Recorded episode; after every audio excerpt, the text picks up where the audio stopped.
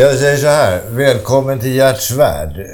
Billy Butt, William Butt. Tack. Har du blivit lite finare nu? Heter du William? Nej, jag har faktiskt alltid hetat William och Billy är en, eh, ett smeknamn för William. Eh, till exempel Bill Clinton, han hette inte Bill, han hette William Clinton. Okej, okej. Ja, ja. Som jag heter William Eh, Butt. eh, Du har bott i Sverige nu i nästan exakt 50 år. Ja. 50 år sedan jag kom hit Du först. kom hit. Och du kom från Irland. Irland. Irland, ja. Ja. Men ursprungligen pakistanier? Nej, ursprungligen från Kenya. Jaha, okej. Av indiska föräldrar. Ja, okej. Så, you've been around. Ja, Jag har varit around. Men du, eh, när du hade varit här i 25 år. Eh, du var ju stor stjärna, kan man väl säga. Alltså, Ja, jag vet inte om jag var stjärna. jo, men- ja, du var berömd. Du hade Ja, gjort en jävla massa bra grejer. Du hade gjort mycket musik. Du hade upptäckt massa sångare, sångerskor. Du hade skrivit låtar. Du hade vunnit Melodifestival eh, och så vidare. Berätta. Ja, vad ska man säga? Jag hade eh, vunnit Melodifestivalen med Tommy Körberg, Stad i ljus. Ja. Eh, gav ut eh, Mikael Rickfors stora platta på 80-talet som heter Vingar. Ja. Man ska köpa vingar för pengarna. eh, jag upptäckte eh, Lisa Nilsson eh, och startade hennes karriär. Gjorde julskivor med Jan Malmsköld och, och jag är faktiskt jag är faktiskt hjärnan bakom Loa Falkmans symfonin. Det är inte Jaha. många som vet det. Nej, nej. Det var jag som fick honom att ställa upp och sjunga den låten. Lite, lite ofrivilligt, men det, det blev ju succé med det till slut. Men allt det där tog helt plötsligt... Ja, det blev ju tvärstopp i, i det mesta i din värld när du blev eh, eh, åtalad, anklagad för våldtäkt och blev också dömd. Mot ditt... Eller, du nekade ju naturligtvis. Ja, det är klart. Och fick fem år i finkan. Ja, Och eh, satt i tre och ett halvt. ja, Det är ju väldigt länge. ja, det var det. Och du ansåg att du var oskyldigt dömd. Jag inte ansåg, jag var Du, oskyldig. du, Okej, du, var, du var oskyldigt dömd. Och nu är det ju väldigt många, och var även då, som ansåg att den där rättegången och den där, det som följde på allt det där och alla, skriverier och framförallt i Expressen att det var rena rama häxjakten. Mm. Det kan man, det kan man eh, minst sagt säga. Eh, är du bitter? Nej. Bitterhet föder destruktion och jag är en konstruktiv människa. Okej. Så att när jag hamnar i en situation i mitt liv där allting ser mörkt ut och allting är svart och allting går åt helvete. Jag hittar alltid ett ljus. Alltid. Och det gjorde jag i den här historien också. Stadig ljus. Ja, det kan man kanske säga. Men nej, men, men man måste... Jag tycker att eh, man, man, man... Jag är inte den typen som låter mig slås ner. Och I'm here to tell the tale. Känner du någon människa i det här landet som har blivit dömd för nio våldtäkter och ändå eh, går in i riksdagen och visar en film som jag gjorde för två veckor sedan? Eller sitter här och blir intervjuad av dig? De flesta skulle åka till Nigeria eller... Tillbaks till Kenya. Eller ja, vad som helst. Men Ja. jag är här. Jo, men, och, och det är ju stort av dig. Och jag skulle gärna vilja komma, komma till det. Därför att sen när du kommer ut efter tre och ett halvt år och har då avtjänat ditt i, straff som du då var dömd till mot ditt nekande. Hur, hur kommer man tillbaka? Har man några kompisar kvar? Finns det några vänner som står och väntar där ute? Ja, jag fick mera vänner när jag kom tillbaks än vad jag hade innan. Därför att innan, när jag var kändis i den där kändisvärlden, då hade jag väldigt många eh, eh, låtsasvänner, folk som man trodde var vänner. Men när detta hände, då fick man lära sig vilka de riktiga vännerna var. Och de fanns kvar. Jo, men det där har jag, har jag också märkt att, att så, så, länge, så länge människor tror att man kan göra någonting för dem så är de väldigt måna om att Ja, vara kompisar. ja, ja. Men when shit comes to shove, som Ja, det då, heter, då är det... Ja. då är det inte så många kvar på nej. andra sidan. Men jag hade väldigt många vänner kvar och jag har dem kvar idag.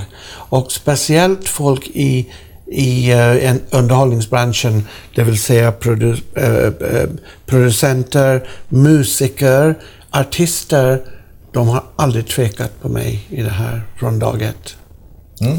Du, jag, jag kommer ihåg dig från, från början på något sätt. Mm. Till, från mitten på 80-talet, 86, 87 där någonting. Eh, och du jobbade ju också då för eh, TV3. Ja, jag hade ett program. Du hade ett program och du hade ett program tillsammans med Robert Aschberg. Det stämmer. Eh, I TV3s verkliga barndom kan man väl Mm, säga. det var det. Du, du träffade ju naturligtvis då också dåtidens kändisar. Eh, och, och du var ju ung och grön. Fick några goda råd? Jo, jag gjorde en intervju med Lennart Hyland. Och jag kommer ihåg att jag, jag, jag frågade honom eh, i direktsändning till och med. Eh, vad, är, vad kan du ge mig för råd, jag som börjar bli känd nu på grund av det här programmet? Ja, ja. Jag går på gator och folk känner igen mig. Vad, vad, vad har du för råd du kan ge mig? Och då säger han, jag har ett väldigt gott råd. Så han säger, den som media bygger upp, den slår media ner. Och det fick du... Det fick jag från Lennart. Ja, och det fick du uppleva också. Ja, det fick jag uppleva. Ja. Du, vad har du för relation till Expressen idag? Jag har ingen relation whatsoever. Um, och jag har faktiskt inga, inget agg mot Expressens redaktion därför att den redaktionen som styr Expressen, eller som har styrt Expressen under de senaste åren, sedan Thomas Mattsson blev chefredaktör, det tycker jag de har gjort en bra tidning. Så att jag kan inte klandra dem. De har inte varit med om någonting under min tid. Men om man ska backa klockan till 90-talet då Expressen styrdes av gangstrar, eh, då, då finns en hel del att berätta. Men Expressen idag, nej. Jag måste säga att eh, Mattsson har gjort ett bra jobb. Han har... Men det, du, det du menar alltså för, för 25 år sedan när den här händelsen var, då var Expressen en helt annan tidning. Eh, naturligtvis, det var ju andra människor som jobbade där. Det var annan chefredaktör eller andra chefredaktörer. Det vill säga sådana som bestämmer om vad som ska stå i tidningar och så vidare. Ja. Det var eh, hur stor makt vill du tillägna eh, tidningarna? Oj, e-, enorm makt. Eh, och, och på den tiden hade både Expressen och Aftonbladet mycket mer makt än vad de har idag. Därför att idag är det social media och det finns så mycket annat. Vi har ett sån enormt utbud som vi inte hade på 80-talet. På 80-talet, jag kan ge ett, ett exempel. På 80-talet, så om, man, om en artist sjöng en låt i TV på en lördagkväll, då kunde jag sälja 25 000 skivor på måndag. Därför att media var begränsat på den Ja, ja, tiden. visst. Eh, Men media idag är ju helt annorlunda. Och, och makten, eh, de hade en... Om Expressen skriver en story idag, den har inte samma genomslag som den hade när Expressen skrev 1985. För att då fanns det ingenting annat att, att Nej, läsa. nu, se- nu, är ju, nu är ju både Expressen och Aftonbladet, de är ju snarlika Ja, i, i sina rapporteringar. Ja. Och det, det, om man, som jag, jag får ju nyhetsflashar, en från Aftonbladet, exakt samma kommer ifrån Expressen. De citerar varandra Ja, och också. citerar varandra. Det finns inga, inget eh, som är... eh, Som är det finns egentligen inga fördjupningar. Jag vet inte, det verkar som att de som jobbar på tidningarna egentligen inte har tid heller att att göra några ordentliga jobb. Nej, precis. Men du, du var ju hårt, hårt ansatt och, och hamnade i ett drev som vi idag, om vi ska göra en jämförelse, eh, utan att göra jämförelse i själva sakfrågan, men ett drev som motsvarar det eh, Martin Timell har råkat ut för, kan man väl ändå säga. Och där, där Ja, men det är lite annorlunda. Därför att Martin Timell är eh, anklagad för att ha tafsat på en tjej, stoppat handen i hennes trosor eller vad det nu var. Jag, jag, har, inte, jag har aldrig blivit anklagad för något sånt. Så jag har aldrig tafsat på tjejer. Eller kommit med, med uh, uh, konstiga e-mails eller faxar som det var på den tiden. Det har inte ja, jag blivit. En, jag har blivit anklagad för att vara duktig på att ragga tjejer, om man får använda ett sånt uttryck. Vilket jag faktiskt var på den tiden. Ja, du hade ju... Du jag hade... måste ha varit det. För att, att, att, att jag har aldrig någonsin haft problem att få en tjej. Så, så länge jag kan minnas, gå tillbaka i tiden. Oavsett vad tidningarna har skrivit om mig. Jag tror att det största förolämpning som jag kände var när de skrev i tidningarna att när de skrev om mitt utseende, att jag var Billy Butter så ful så ingen ville ligga med honom. Men det är konstigt att jag var ju alltid i... Om du öppnade veckotidningarna varje vecka i Sverige, då stod jag där med mina knallgula kavajer och, och de kläderna som jag hade på den tiden. Ja, ja, visst. Ja, och, och var väldigt, väldigt inne eh, i det sociala. Eh, mm. och, och när man tittar på de bilderna idag, så jävla ful var inte jag faktiskt. Skulle du vilja säga att det var ett utslag av rasism? Det var inte bara ett utslag, det var ren rasism, ja. Det ifrån, var... ifrån tidningarnas sida? Ja, det var det, absolut. Och varför jag vet att det var rasism på Expressens sida var, kom ihåg nu, jag måste säga att Expressen är inte en rasistisk tidning idag. Det vill jag absolut hävda. Utan på den tiden så var det rasism inom, inom eh, Expressen. Och hur jag vet det är att jag har hört det från journalister som har slutat på Expressen, mm. som har berättat för mig hur det bestämdes att Billy Butt ska inte ha något TV-program i Sverige. Billy Butt ska inte vara kändis längre. Vi ska slå ner Billy Butt. Jävla pakistanier som tror att han kan komma hit och sätta på våra små blonda tjejer. Det är precis hur Expressen Jantelagen alltså? Det var jantelagen. Mm.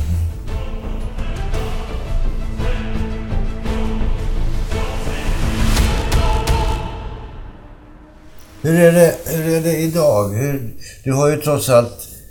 Ja, du sitter ju här i en fin kavaj. Tycker du det? Och ser Nej. ut att må rätt bra. Jo, men... För det första så hände det här för så länge sedan. Ja, det är 25 år sedan. Ja, det är 25 år sedan. Och, och jag har eh, på sätt och vis lagt det bakom mig. Det livet som jag levde då har jag lagt bakom mig för länge sedan. och jag, jag, jag tar, tar stort avstånd från det. det. En sak ska jag, det här har jag sagt så många gånger så att jag blir blå i ansiktet av att säga det. Men nu ska jag säga det en sista gång. Och det är att det som jag gjorde var moraliskt förkastligt. En 42-årig man som raggar upp en 20-årig tjej och lovar henne jobb för att han vill ha ett ligg. Det är för jävligt. Och jag känner inte igen mig själv egentligen när jag tänker tillbaka. Jag måste ha blivit fruktansvärt berusad av min kändisskap. Av din egen framgång, ja. Av min egen framgång. Mm. Som gjorde att... Jag kommer ihåg att när jag var ute i Grönköping och gick in på något disco. Eh, den snyggaste tjejen på hela stället, hon följde inte med killen med cykeln. Hon följde med mig i min stora BMW. Jag menar... Som det stod Billy Butt? Som det stod Billy på, ja. nej, nej, men om vi ska vara allvarliga här. Om vi ska vara allvarliga. Men vad jag menar är att det jag gjorde, det var moraliskt förkastligt och jag ångrade bittert att jag, eh, eh, jag menar, det är därför min relation till de här tjejerna som anmälde mig, jag har ingen kontakt med dem idag, men jag tycker på sätt och vis synd om dem, därför att de eh, råkar ut för, för, för en sån som jag. Så, ja. om, om, om, jag får... Du är lite självkritisk i alla fall. Jag är jävligt självkritisk, ja. ja. De råkar ut för en sån som jag, som, som lurar dem till att de får vara med i någon musikvideo. Och så, det enda man är ute efter är ett ligg. Det är för jävligt mm. korkad mm. av mig att göra det där. Och jag tar stort avstånd från det idag.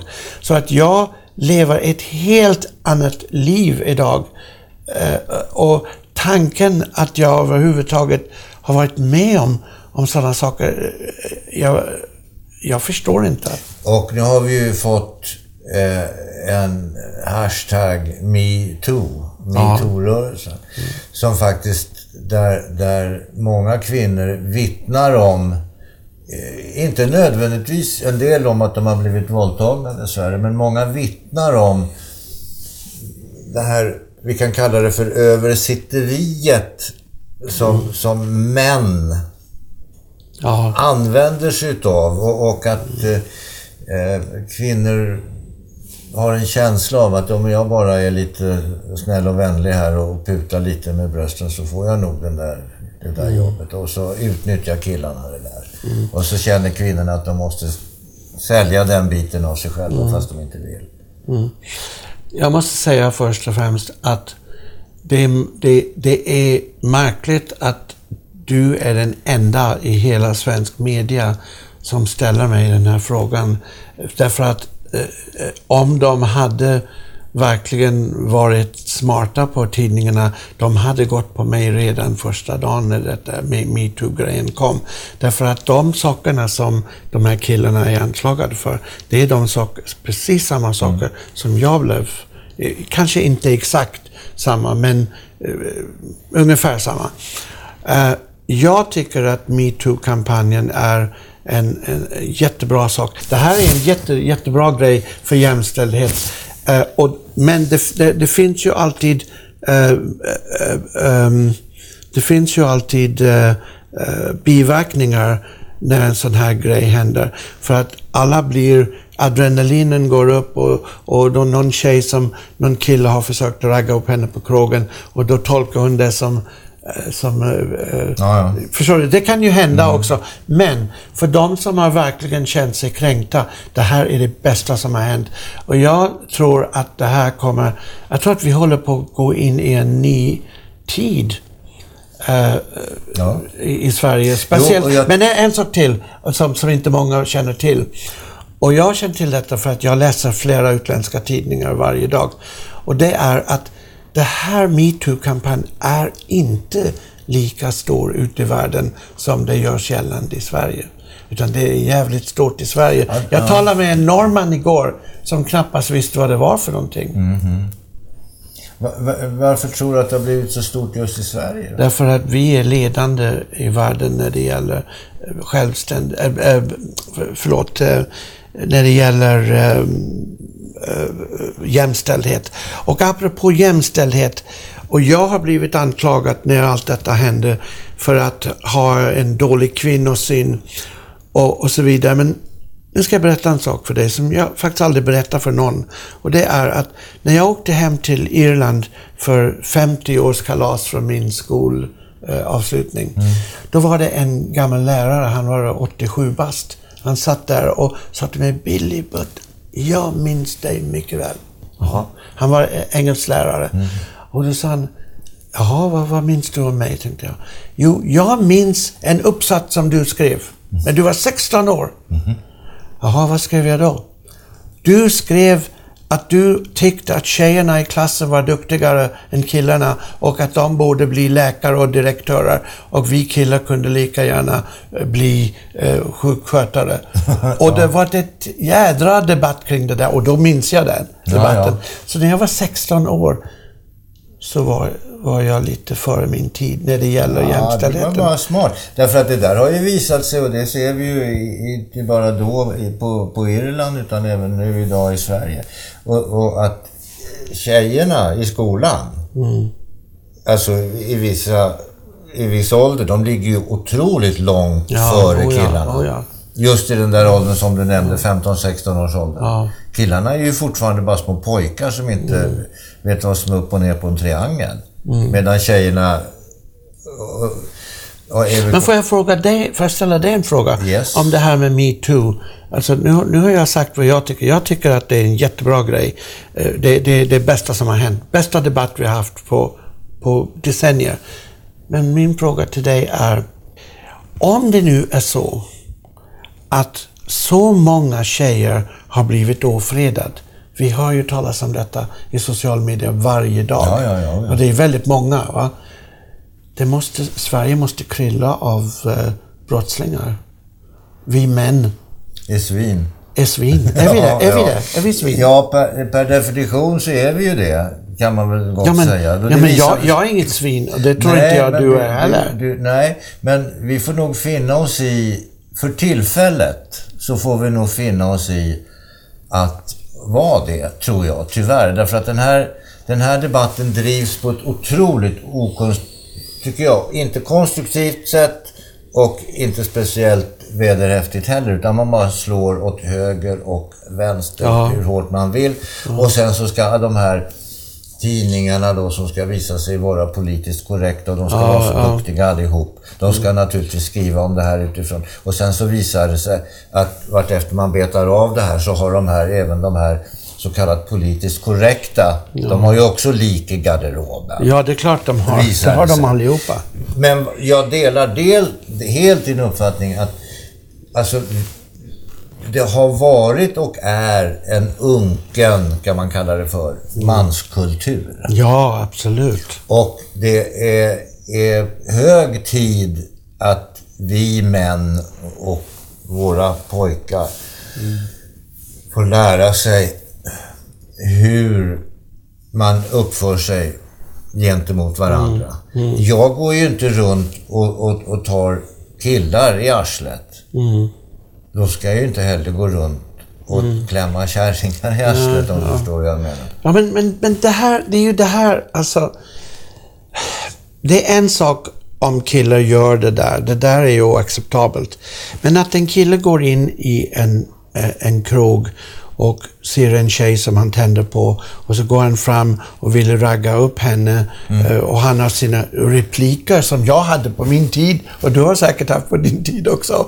Vi hade våra repliker som vi använder och tjejen säger Ja, det är nej. lite Formel 1, Ja, formulär ja, 1 ja, jag vill inte ha ett glas vin tack. Och så vänder hon om och så kommer man tillbaka och är lite charmig och är lite, eh, visar lite karisma. Och så efter kanske eh, det där nejet vid baren omvandlas lite grann till en, jaha, han är ganska kul den här killen. Mm. Och så, så blir det någonting av, men vad jag är rädd för är att när detta händer, att det kan uppfattas som sexuell trakassering. Och är det så, då är vi illa ute. Därför att mannen har alltid varit jägaren. Ja. Förutom i Sverige. I Sverige är kvinnan jägare.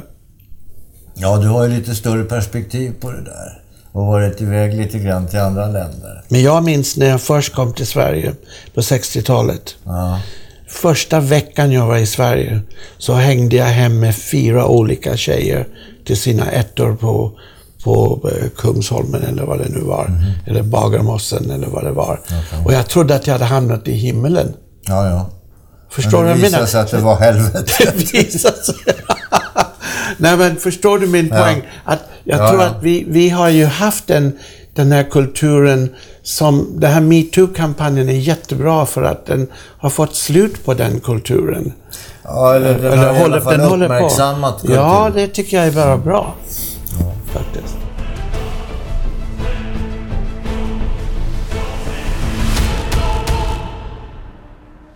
Eh, Du, du satt ju tre och ett halvt år i fängelse. Ja.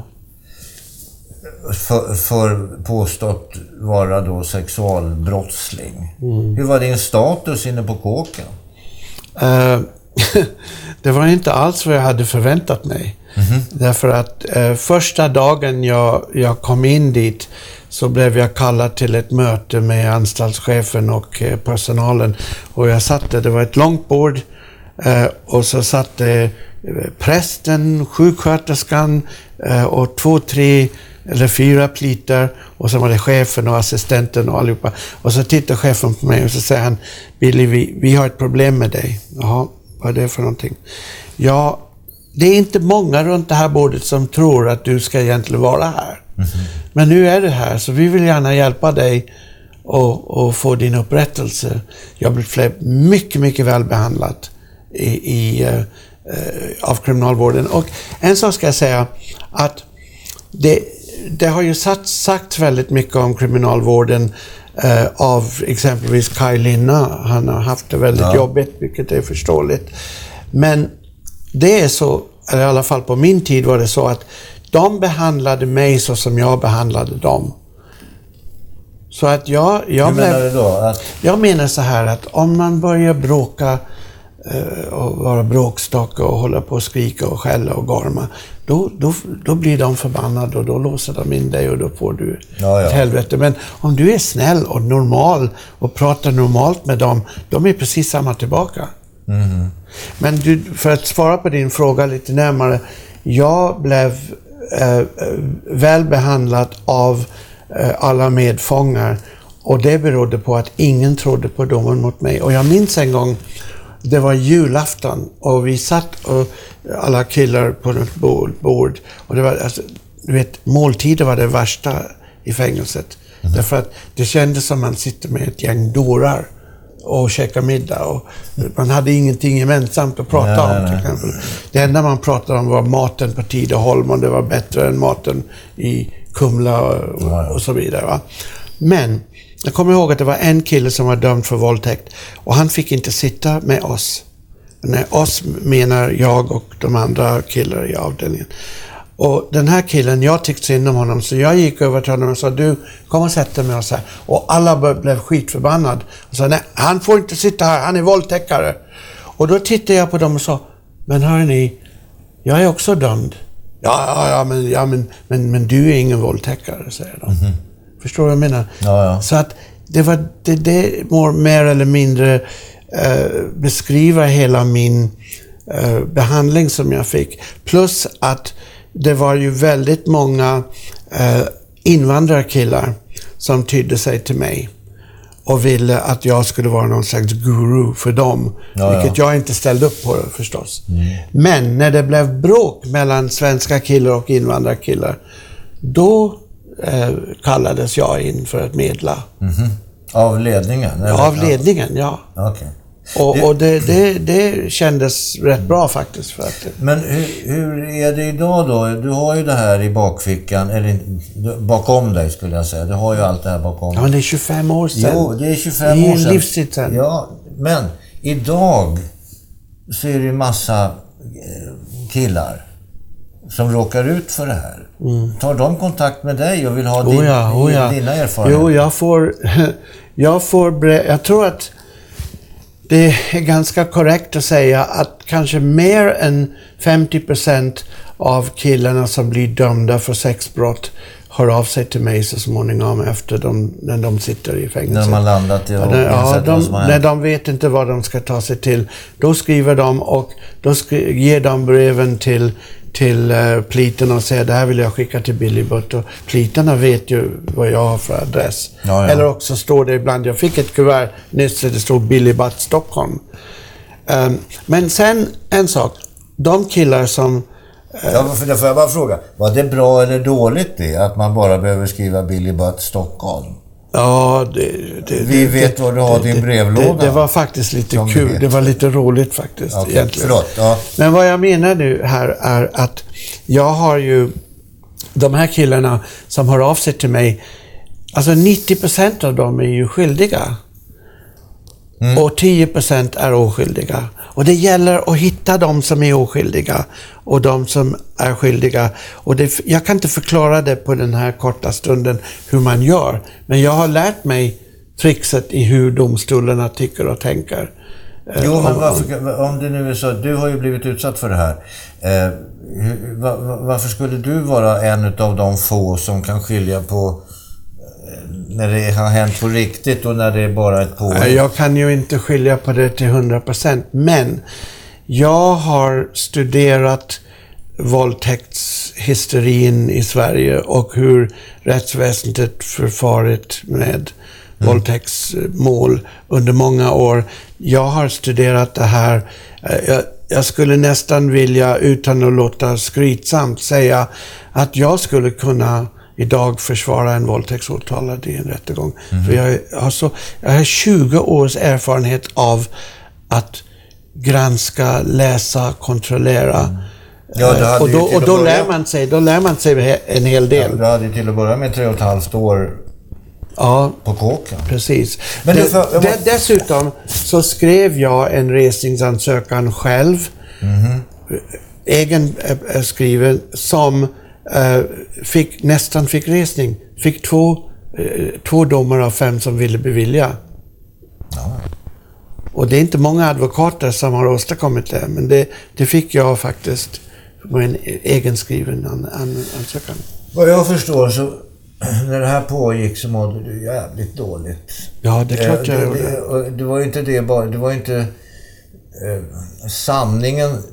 Det var ju sanningen om dig själv där du insåg en massa saker om dig själv. Mm. Som du var inne på här, att du var en jävla skitstövel egentligen.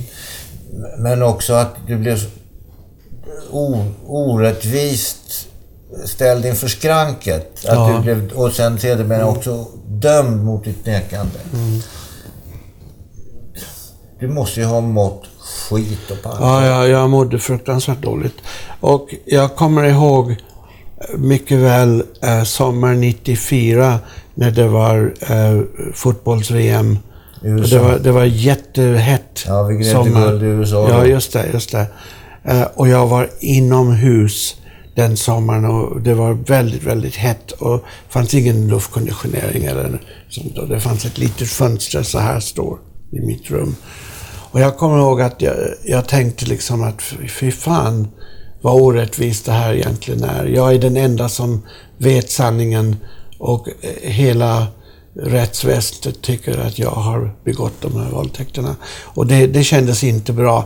Men om jag tittar i back, backspegeln idag. Jag tror att i varje dålig sak som händer i livet så kommer det någonting positivt och gott. Och det finns en jättebra grej som kom ur hela den här, två bra grejer. Det första var att jag hittade mig själv och hittade tillbaka till den man jag var innan jag blev kändis Okej. när jag var en vanlig Svensson, så att säga. Ja, Jag hittade tillbaka till dess. Och då mådde jag omedelbart mycket, mycket bättre. När jag hittade tillbaka. Eh, eh, hade jag fortsatt, hade inte detta hänt, då hade jag kört mig rakt i väggen. För jag gick ju bara rakt på. Mhm. Och det var, det var inte bra. Hade du inga självmordstankar? Nej, aldrig. Varför ska man ta livet av sig? Det är ju fegt. Jag är ingen feg människa. Men jag vet att det är många som hade, ha, hade varit i min situation som hade funderat på att ta livet av sig. Och jag vet att det var en tid... Jag kan berätta en historia. När Expressen hade sina värsta löpsedlar och jag mådde så fruktansvärt dåligt. Jag kunde inte gå ut. Jag var på fri fot. Det här är innan jag åkte in i fängelse. Ja, ja, ja. Eh, och det var så enormt stor att jag eh, bestämde mig för att jag måste få hjälp. Så jag ville åka in till psyket för att få hjälp, för jag visste inte vad jag skulle ta mig till. Men då kom jag plötsligt på, jag körde till psyket i Uppsala, till eh, Akademiska sjukhus. Och då kom jag plötsligt på, oj, här känner de igen mig. De vet vem jag är. Och innan vi vet, då kom, jag såg jag löpsedeln Billy Butt på, på psykakuten. Så jag satt mig ner i bilen, det här är sant. Jag ja. satt mig ner i bilen och jag körde i ett streck ner till Köpenhamn. Gick in på Rikshospitalet i Köpenhamn och så sa jag Min namn är Billy Butt, jag är från Sverige och jag, jag, jag är mycket, mycket syg. Ja, ja. På min dåliga danska. Jag, gick till, jag åkte hela vägen till Köpenhamn för att få eh, vård för att jag mådde så jävla dåligt. Och jag fick förklara för läkarna där, jag är en mycket känd person i Sverige och jag har råkat ut för det här situationen. Jag kunde inte förklara det hela för dem i en nötskal. Eh, och, och då, men jag ville ha hjälp. Eh, och de hjälpte mig faktiskt, det gjorde de.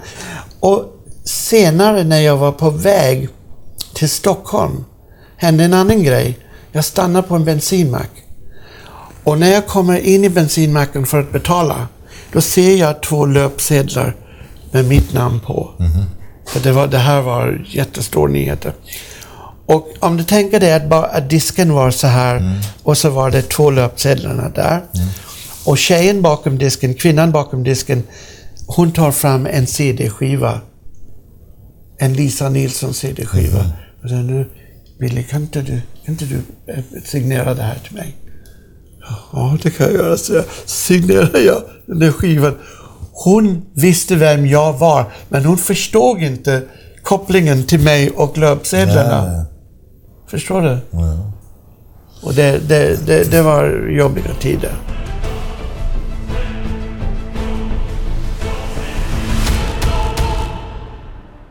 Men du, du nu, nu är det ju... I Sverige så är man dömd och sen så avtjänar man sitt straff. Och sen så... Så är det inget mer med det liksom. Jo, men det funkar inte så egentligen. Det är klart att det inte gör. Därför att folk tycker fortfarande... eh, Det, det, det värsta av allt är folk som, som säger att ja, eh, vad har du varit alla de här åren? När du, de, de tror att man är död bara för att man inte syns i Expressen, Aftonbladet. Jag kan berätta, ja, när, när, när detta hände mig och jag kom ut ur fängelset och jag hade Eh, jag försökte, jag pratade med mina gamla artister och, och försökte få veta hur jag skulle få mitt liv tillbaka. För det är väldigt svårt att få livet tillbaka när du har blivit uthängd som våldtäktsman från Jokkmokk till. Lund, liksom, vilket jag var. Eh, då var, var det jättejobbigt och då bestämde jag mig för, jag hade varit i Baltikum en gång. Och jag tyckte att det var intressant för jag hade också varit i Ryssland en gång och gjort ett jobb tillsammans med ryska musiker. Det var på alla Pugacheva-dagar, Ja, Jakob det. Dalin-tiden. Mm, ja. Poängen i historien är att jag åkte till eh, Lettland och Litauen.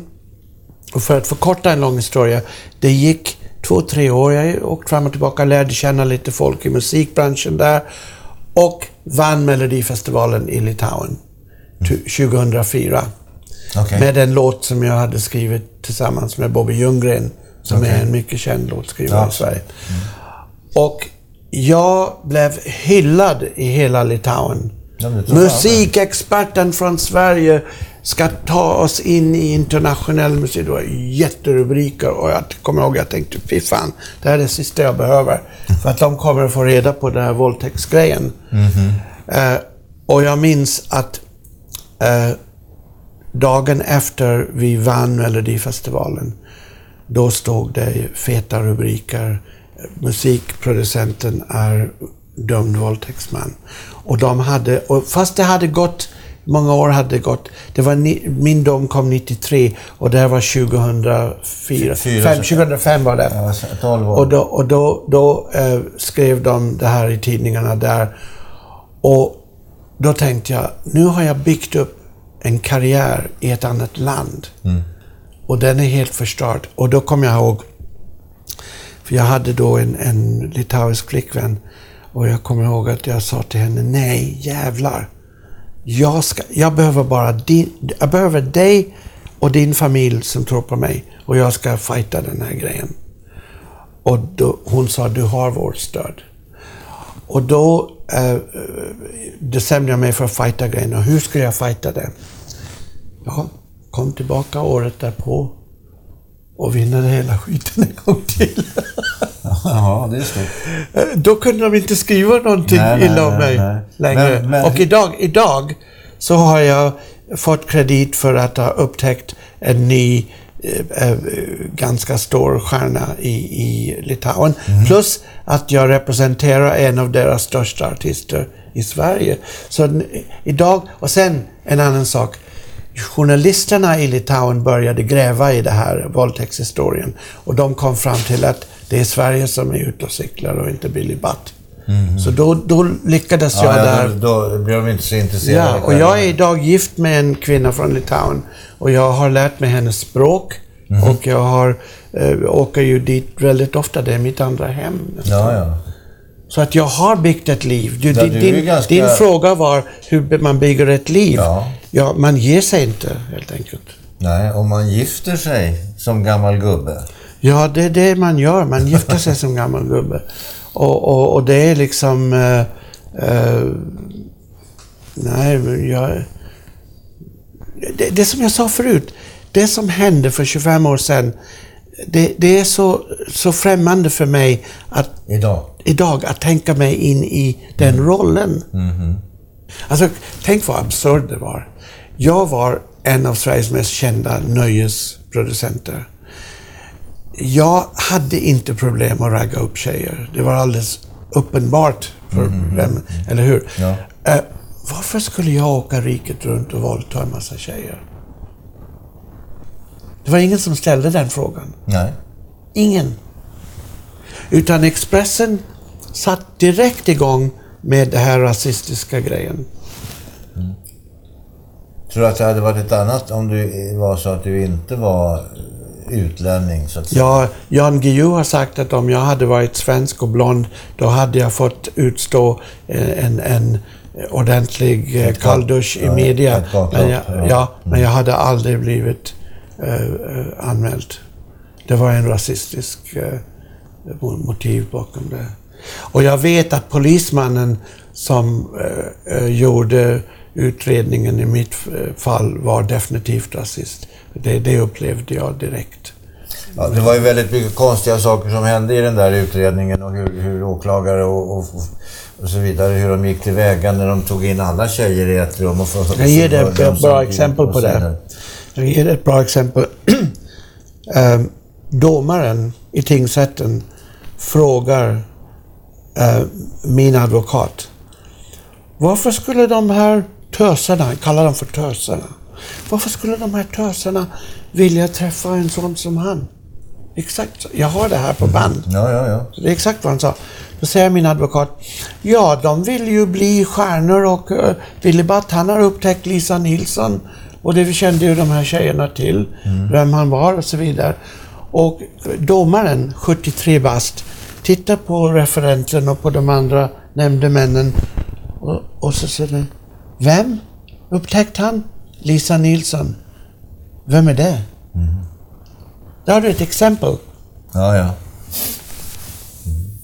Och det andra är ju det klassiska att hovrätten skrev att det är otänkbart att unga tjejer skulle ligga med äldre karlar med makt. Har du haft någon kontakt efteråt med de här nio tjejerna som du faktiskt... Nej, aldrig. Eh, det vore ju högst eh, olämpligt att ta kontakt med dem. Och det har Men har de tagit, inte tagit... Nej, men, men, men en väninna till en av dem eh, har berättat eh, eh, hur eh, den, den tjejen som jag blev dömd för, eh, att hon hade rekommenderat väninnan till mig och Okej. rekommenderat mig som en pålitlig person. Efter att hon skulle ha först våldtagits i Stockholm, sen hängde med till London och våldtagits i London och sen rekommenderade hon den här tjejen Ja, att säga att jag var en, en pålitlig person. Och det, det, det, det var en av nio omständigheterna i en resningsansökan. Du håller på med en resningsansökan nu? Ja, jag håller på nu äntligen. Vilket nummer med- i ordningen? Det är nummer 11. Men eh, en sak om resning, man ska veta att vanligt folk känner inte till det här. Men bara för att man får avslag på en resningsansökan betyder inte att man var skyldig. Det betyder bara att man inte har uppfyllt de juridiska kraven för att man ska kunna få resning. ta om det, så ja. Mm. och vad jag... Eh, jag hade... Eh, jag fick hjälp av en advokat som skulle eh, hjälpa mig med detta med min elfte resningsansökan. Eh, och vad som hände var att eh, jag pratade med ett justitieråd, ett pensionerat justitieråd, som har läst mitt mål flera gånger, som har varit med eh, och avslaget till och med Ja, ja. tidigare. Och så säger han till mig, Billy Butt, du ska skriva din egen ansökan. Du ska inte låta någon advokat skriva det. Ja, vadå? Därför att du skriver bättre. Och du är mer övertygande. Du är bra säljare. Men du har ju... Du har ju Och, och, och, och, och, det, och det, det där råd tog jag. Och jag håller på att skriva. Men vad som är intressant nu, nu ska jag ge dig en nyhet för Okej. det här programmet. Och det är, vad är det som jag har idag som kan föranleda resning? Det kan jag avslöja nu. Ja, gör det. I början av det här målet så hördes fyra kvinnor samtidigt i ett enda rum Ja. av polisen i ett regelvidrigt gemensamt förhör. Ja. Där deras, eh, eh, deras uppgifter blev kontaminerade. Ja. Det där förhöret spelades in på video. Men ingen av mina advokater ville ta upp den i rätten. Det var fel, de borde ha gjort det, men de gjorde inte det. De tyckte att det skulle gå mot mig och se de här tjejerna sittande och berätta. Så de sa nej. Så det där var oförbrukad material. När då min, van, min eh, eh, dom vann laga kraft, då eh, gick den här polisinspektören in till jobbet trots att han hade gått i pension och raderade hela videobandet så att den inte fanns kvar. Och jag kommer ihåg att jag var så förbannad på honom för att han gjorde detta. För att det var min chans att få resning om jag kunde visa den. Nu så här många år efter så har det analyserats av advokater, av jurister, av poliser. Jag har haft flera som har tittat på det här förhöret i form av utskrift som gjordes. Det finns kvar. Det är utskriften. Så vad jag har gjort är jag har gjort en rekonstruktion av just det förhöret med fyra skitsnygga tjejer som är mycket snyggare än de tjejerna som, som var med i målet. Och en gubbe som spelar polisen och de är skådespelare allihopa. Och de säger exakt vad som sades. Och vad är det de sa? Första förhöret. De går dit till polisen för att eh, eh, eh, klaga över att de har blivit, eh, råkat ut för en ful fisk som ville bara ligga med dem för att lova jobb och ligga. Ja, ja. Inte en, ett ord om våldtäkt eller om tvång eller någonting. Och det är ju det förhöret som inte någon instans har sett. Men nu kommer Högsta domstolen att få se hur tjejerna egentligen tänkte i början av det, innan Expressen började skriva. Det är troligen min nyckel till resning. Men du kan ju, skulle man kunna tänka sig, också som en bilaga till det här resningsansökan lägga en mängd vittnesmål eller utsagor om faktiskt väldigt många betydande människor Det i har jag redan, det har jag redan. Som, som har sagt att Ja, men det har jag. det där var ju käpprätt åt helvete. Ja, det har jag redan. Så att jag tror att chanserna att få resning nu är betydligt bättre ehm, än vad det Och då var. hade du två utav fem. Jag hade två utav Nu fem. ska du få tre av... Så nära var det. Ja. Det var så nära. Lycka till Billy Butt! Tack. Samma.